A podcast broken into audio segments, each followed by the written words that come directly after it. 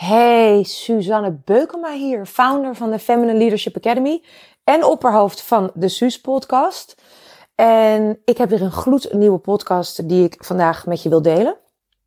Als je me al een tijdje volgt, dan weet je dat ik hem normaal altijd vanuit mijn inloopkast opneem waar mogelijk. Maar ik heb nu net een driedaagse training gegeven aan de vrouwen in mijn Feminine Leadership Academy. Dus ik neem mijn podcast altijd op maandag op en ik heb vrijdag, zaterdag, zondag training gegeven. En ik ben zo kapot dat ik letterlijk op mijn bank lig deze podcast in te spreken. Dus ik zal even een, uh, een selfie maken zo en die zal ik even delen op mijn Insta. Dus als je weet hoe ik er nu bij lig, zonder make-up, totaal in de anti-glamour, dan moet je me even opzoeken op uh, Insta op Suzanne Beukema. En dan kun je zien hoe ik er nu bij lig. Het is zo grappig als ik dan denk, oh, ik heb echt, ik ben zo moe en ik heb geen inspiratie en misschien moet ik hem morgen opnemen. En ik heb gewoon een deadline met mijn team en de afspraak dat ik deze podcast voor een bepaalde tijd aanlever, zodat zij dan ook weer van alles kunnen plaatsen en doen. Dan, als ik er dan eenmaal voor ga zitten, dan binnen 30 seconden heb ik allemaal ideeën en heb ik nu alweer vier podcasts. Dat ik denk, oh nee, deze moet ik opnemen. Nee, maar misschien die eerst, maar dan misschien die. En heb ik net ook spontaan een hele nieuwe lead magnet, een hele nieuwe weggever bedacht. Dus ik moet gewoon heel hard om mezelf lachen. Maar als je mijn podcast van vorige week hebt gehoord, dan uh, weet je dat ik zou delen vandaag, had ik beloofd, op welke mogelijke manier ik allemaal hulp krijg in mijn onderneming.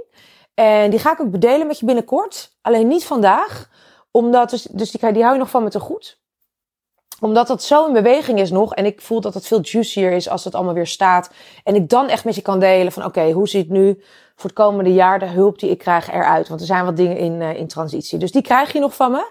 Vandaag wil ik met je delen uh, hoe Arnold Schwarzenegger mij inspireerde. Ik zag Arnold Schwarzenegger afgelopen week in een televisieprogramma, in een talkshow.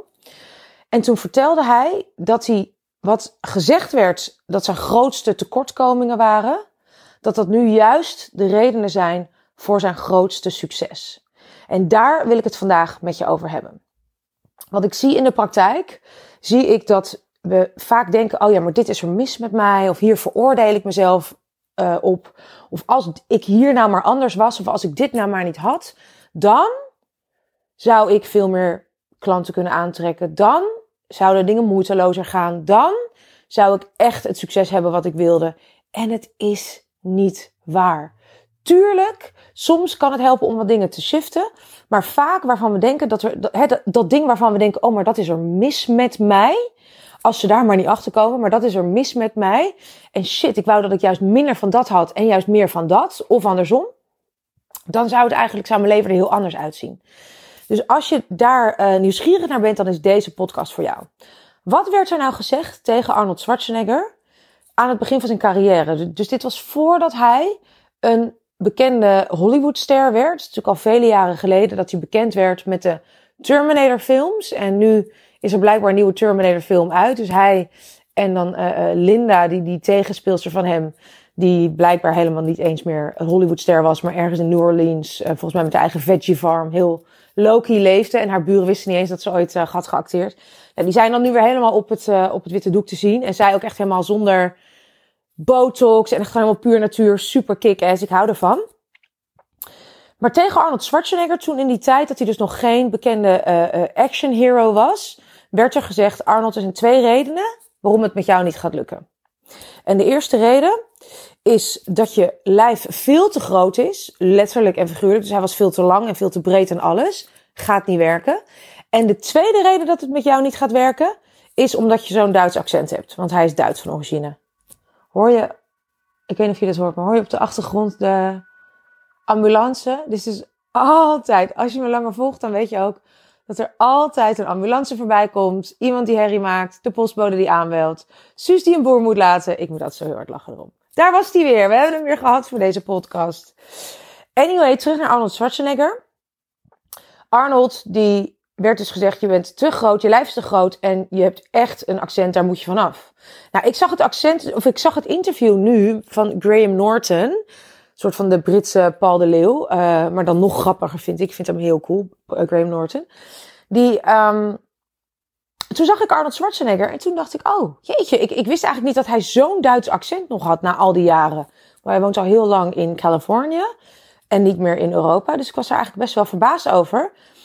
Maar toen kwam op een gegeven moment, Arnold had het zo'n soort van opgegeven. En toen kwam James Cameron. Jim Cameron kwam langs. En Jim, Jim Cameron, die is de regisseur van Avatar bijvoorbeeld, maar ook de Titanic. Dat is echt gewoon een van de grootste Amerikaanse regisseurs van heel veel films die, eh, die jij en ik kijken. En die had dus gezegd, dit wordt je grootste handelsmerk. Dus dat was iemand die in Arnold geloofde. En nou, zie hier, ik denk dat als Arnold hè, niet het lijf had gehad wat hij had gehad, letterlijk een soort van the body, volgens mij noemden ze hem zo.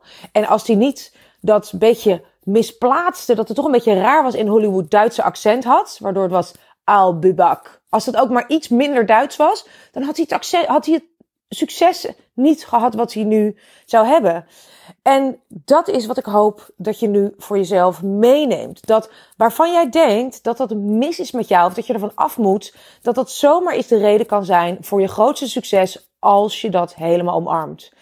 Nou, als je me uh, ook al wat langer volgt, dan weet je dat ik 15 jaar lang tv-programma's heb gemaakt in Hilversum. Achter de schermen als redacteur. Dus ik was altijd verantwoordelijk voor de verhalen die op de buis kwamen en de gasten die wel of niet hun, uh, ja, te gast waren in tv-shows. En nou, er was ooit een programma wat ik heb gemaakt met best wel meer programma's met bekende Nederlanders. Maar één programma waarin een bekende Nederlandse presentatrice, die vertelde mij dat ze een presentatiecoach had. Die haar leerde om, haar, om helemaal af te komen van haar Twentse accent. En ik was hier toen nog helemaal niet zo mee bezig. Maar ik weet nog dat ik heel erg schrok. Ondanks dat dit, nou dit is zeker meer dan tien jaar geleden. En ik denk zelfs eigenlijk wel meer dan twaalf jaar geleden. Dus ik dacht echt van, wat gebeurt hier? Als zij namelijk haar Twentse accent zou kwijtraken, dan zou het echt, zou ze het risico lopen. Het is een ontzettend leuke vrouw, mooi ook, maar dan zou ze echt het risico lopen dat ze uit zou worden gemaakt voor, weet ik veel, uh, dom blondje of 13 in dozijn. Of daar heb je weer zo'n mooi poppetje.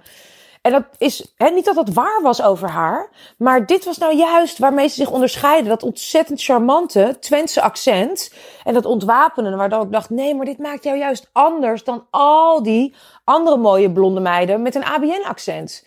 En ik ben heel blij dat ze nog steeds haar Twentse accent heeft. Want dat is het grootste handelsmerk in mijn ogen hoe ongelooflijk authentiek zij is en sprankelend, maar echt in combi met dat ontzettend ontwapenende Twentse accent. Net als een Herman Vinkers, die, uh, die cabaretier. Die is zo leuk omdat hij het in het Twents uh, doet, zijn verhalen. Lady Gaga, we weten, hè, je hebt waarschijnlijk wel de A Star is Born gekeken. Wat een reminder is voor mezelf dat ik nog een keer de extended versie wil kijken binnenkort. Die, er is een 12 minuten versie, een versie met 12 minuten extra content en die wil ik zien. Zo paté thuis, als jullie ook wel zien. Anyway, ik dwaal af. Lady Gaga, die te horen kreeg van, nou ja, weet je, het gaat hem sowieso niet helemaal worden. Je borsten zijn te klein, je neus is te groot. En uiteindelijk heeft ze dus geen plastische chirurgie gedaan. En is dat de reden waarom ze zo'n ongelofelijke fanbase heeft? En sterker nog, als je A Stars Born hebt gezien, dan draait die hele film eigenlijk om haar neus. Dat hebben ze soort van helemaal centraal gesteld in die film. Om haar talent en om haar neus.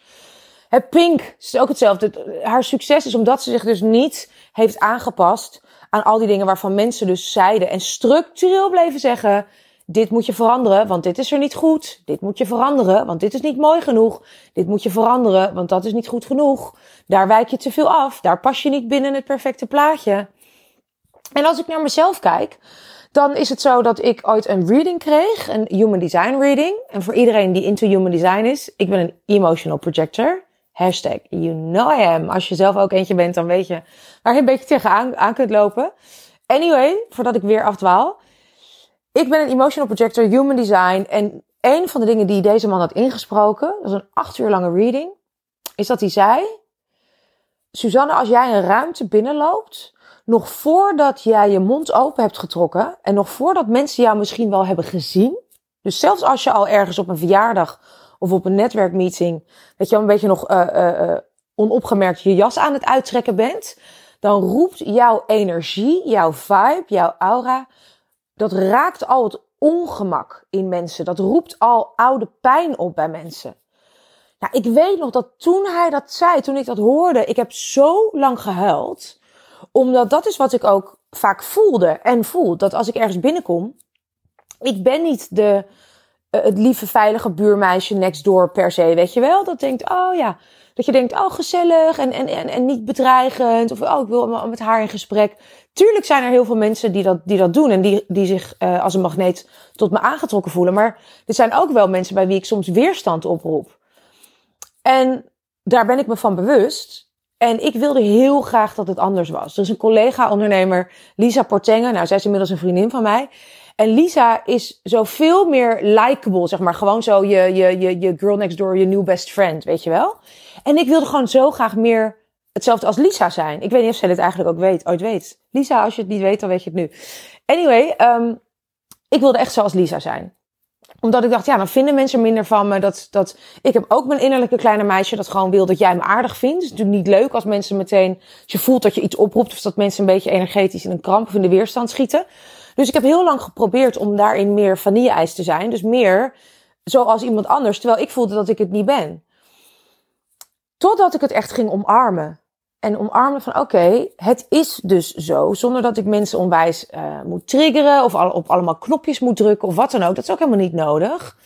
En um, ik echt ben gaan kijken van goh, wat, wat straalt misschien uit in den algemene. Weet je wel, wat ik vaker terugkrijg waar ik iets mee mag. Dus ik doe heel veel schaduwwerk zodat ik weet dat de kans dat ik mensen onbewust afstoot, dat die eigenlijk heel klein is. Omdat ik heel weinig zelf ook getriggerd word door mensen. En heel ook in mijn energie iets kan doen. Waardoor mensen echt wel zich als een magneet wel tot me aangetrokken voelen. En er is nou eenmaal iets bij mij, dat als je bij mij in mijn omgeving bent, je zit in mijn Feminine Leadership Academy, dat waar het wringt in jou, dat die, die plekken in jou die je heel lang hebt verstopt, die delen in jou waarvan je eigenlijk uh, hoopt dat niemand ze ziet. Of die dingen die je al je hele leven verzwijgt. Omdat je denkt dat je ze niet mag zeggen. Dat je ze niet mag denken. Laat staan hardop zeggen. Dat je dat allemaal zo weggestopt. Die komen bij mij naar boven. En daar moet, je, daar moet je tegen kunnen. Net als dat je tegen een hele directe coach moet kunnen. Iemand die gewoon zegt van hè, waar het op staat. Moet je, daar moet je gewoon tegen kunnen. Dus ik ben nu net uh, moet ik denk ik twee maanden, nou nog niet eens twee maanden geleden begonnen met de huidige ronde van de uh, Feminine Leadership Academy. Dat is een zes maanden programma voor vrouwelijke ondernemers, waarin ik je help om, om, om, om echt next level te gaan met je business en nog veel meer impact te maken en geld te verdienen met alles wat je heel goed kan. En we hebben afgelopen weekend dus de eerste live tweedaagse gehad en ik had nog een extra dag met de vrouw van de vorige ronde. Dus we hebben drie dagen gehad met elkaar. En er is zo ongelooflijk veel aangeraakt waarvan niemand een idee had dat het zou gebeuren. Dus mensen die een enorme traumatische ervaringen hebben meegemaakt in hun jeugd. Wat blijkt, hè, dus, dus het weekend ging over hoe haal je de handremmer af. En zonder dat ik dus heel veel moeite hoef te doen, is door puur gewoon een hele fijne, het is een hele fijne omgeving. Helemaal niet nou heftig en zwaar. Heel fijn, heel joyful. Uh, echt vanuit verbinding, super yummy lunch, mooie plek, heel licht. En toch vanuit uh, wie ik ben en het veld dat ik creëer met deze dames, daar zit ook zo'n veiligheid dat dus die grootste pijn, die vaak je grootste handrem is, zonder dat je misschien zelfs nog wist dat je er last van had, dat hij naar de oppervlakte kon opborrelen. En dat hij vervolgens daar gezien kon worden, uh, um, gedeeld kon worden. Dat je voelde van hey, het is helemaal oké dat het er is. Want hè, we hebben allemaal onze dingen. Alle vrouwen hebben iets gedeeld waarvan ze dachten misschien, oeh, dat vind ik niet heel gaaf. Maar hoe bevrijdend is het dat dat er gewoon mag zijn? Of het nou zakelijk is of privé, maakt niet uit. Het werkt zakelijk door. Die handrem werkt zakelijk door. En dat is waarom ik zeg, mindset hè, dat iedereen heeft tegenwoordig over mindset, mindset en dan, en dan ga je al next level succes. Tuurlijk is mindset belangrijk, maar het is absoluut niet de grootste sleutel. Absoluut niet de shortcut naar succes. En wat we merkten was dat dat grootste ding waarvan iedereen dacht, oeh, maar dat kan ik niet delen, want dan denken ze straks dat er iets mis is met mij. Dat dat juist hetgene was wat de groep verbond. Dat dat juist als ze één op één iets deelde met de ander, dat dat was waardoor die ander zei: Wow, en nu raak je me zo. En nu inspireer je mij. En heb ik allemaal inzichten. En weet ik het allemaal niet. Dus het is vaak juist dat waar wij denken: Dit is er mis met mij. Dat mag niemand weten. Waar, eh, of ik wil, ik wil dit transformeren. Of ik baal hiervan. Of ik veroordeel mezelf hiervoor. Waar de sleutel zit naar jouw grootste goud en naar je succes. En wat juist ook jouw doelgroep, jouw klant, jouw tribe, jouw community keihard wil zien en wil horen. En dat wil dus niet betekenen dat jij nu ineens je grootste geheimen met iedereen moet delen. Maar iets waarvan je zegt, oeh, daar schaam ik misschien, me misschien voor. Of, nou ja, ik wil nu een hele gelikte podcast opnemen. En ik wil niet dat je hoort dat het eigenlijk ook drie keer mis was gegaan. Dat is juist wat mensen nodig hebben om te horen. Dus mijn vraag aan jou is, lieve, lieve mooie vrouw. Waar denk jij nog steeds dat er iets mis met je is? Waar heb jij nog steeds iets waarvan je zegt: Dit vind ik gewoon niet zo tof aan mezelf. En dat zou ik eigenlijk liever niet meer hebben. Of dat zou ik liever willen transformeren. Of daar zou ik liever van af willen. Want ja, als ik daarvan af ben, dan heb ik, ga ik voor mijn gevoel veel harder in mijn leven. En dan kan ik veel sneller naar mijn next level succes. Wat is het voor jou? Wat is jouw Twentse accent waarvan je denkt: zie je, dat maakt me niet goed genoeg? Wat is jouw, uh, jeetje, misschien wel gebrek aan dat je misschien dyslectisch bent. Of dat je helemaal niet zo goed kunt schrijven. Wat maakt dat je juist daardoor video's gaat opnemen. En wat juist jouw grote kracht is. Um, waar voldoe jij niet aan het standaard schoonheidsideaal? Waardoor als jij jezelf helemaal laat zien en jezelf yummy kleedt en, en, in sexy lingerie en, en helemaal zichtbaar bent. Dat ik denk, nou, zij is niet perfect zoals al die andere Instagram meisjes. Als zij zichzelf zo kan laten zien, dan ik misschien ook. En zo kan ik nog wel even doorgaan. Waar heb jij misschien niet de perfecte achtergrond qua geld? En heb je misschien heel veel schulden gemaakt of dingen gedaan waar je je voor schaamt? En heb je nu een, een manier gevonden om dat om te draaien, om dat te transformeren? Wat juist maakt dat je verhaal extra juicy is en inspirerend, omdat je niet altijd zo succesvol bent geweest. Dus waar hè, heb je voor je gevoel steekjes laten liggen? Of kloppen er dingen niet aan jou of voldoe je niet aan het standaard plaatje omdat je helemaal niet aan, aan, aan standaard marketing doet, maar op jouw manier toch succes krijgt. Terwijl je denkt, ja, maar ik moet misschien toch doen wat iedereen doet. Nee, mensen smullen ervan als jij onderneemt op jouw authentieke manier met al je talenten en tussen haakjes je tekortkomingen, wat natuurlijk gewoon je grootste kracht is. Dus waar ben jij jezelf nog een soort van aan denken, er, er is iets mis mee? En, en waar kun jij nu zien dat dat misschien wel eens zomaar een opening kan zijn naar nog meer succes? Dat dat misschien juist de sleutel is naar je doelgroep iets anders laten zien. Dan een an, naar, naar een ander smaakje toevoegen. Dus als Pink ook zichzelf helemaal had laten verbouwen, of Lady Gaga, dan waren ze al meer hadden ze zich toegevoegd aan de groep die er al is. Terwijl nu kunnen ze een ander stemgeluid laten horen. Dus waar kan jij letterlijk of figuurlijk een ander stemgeluid laten horen? Net zoals Lady Gaga, Pink en Arnold Schwarzenegger. Dat is mijn vraag aan jou. Ik ben echt super, super benieuwd. Dus deel het hier onder de podcast, waar je hem ook luistert. En als je zegt van ja, jeetje Suus, ik zie even geen ruimte hier om te delen. Mail me op info.suzannebeukema.nl Of deel het op Insta hier onder de podcast thread. Want ik wil het echt heel heel graag weten wat jouw uh, tekortkoming is, jouw grootste tekortkoming. Wat zomaar is misschien je grootste kracht zou kunnen zijn. En ook als je het niet weet.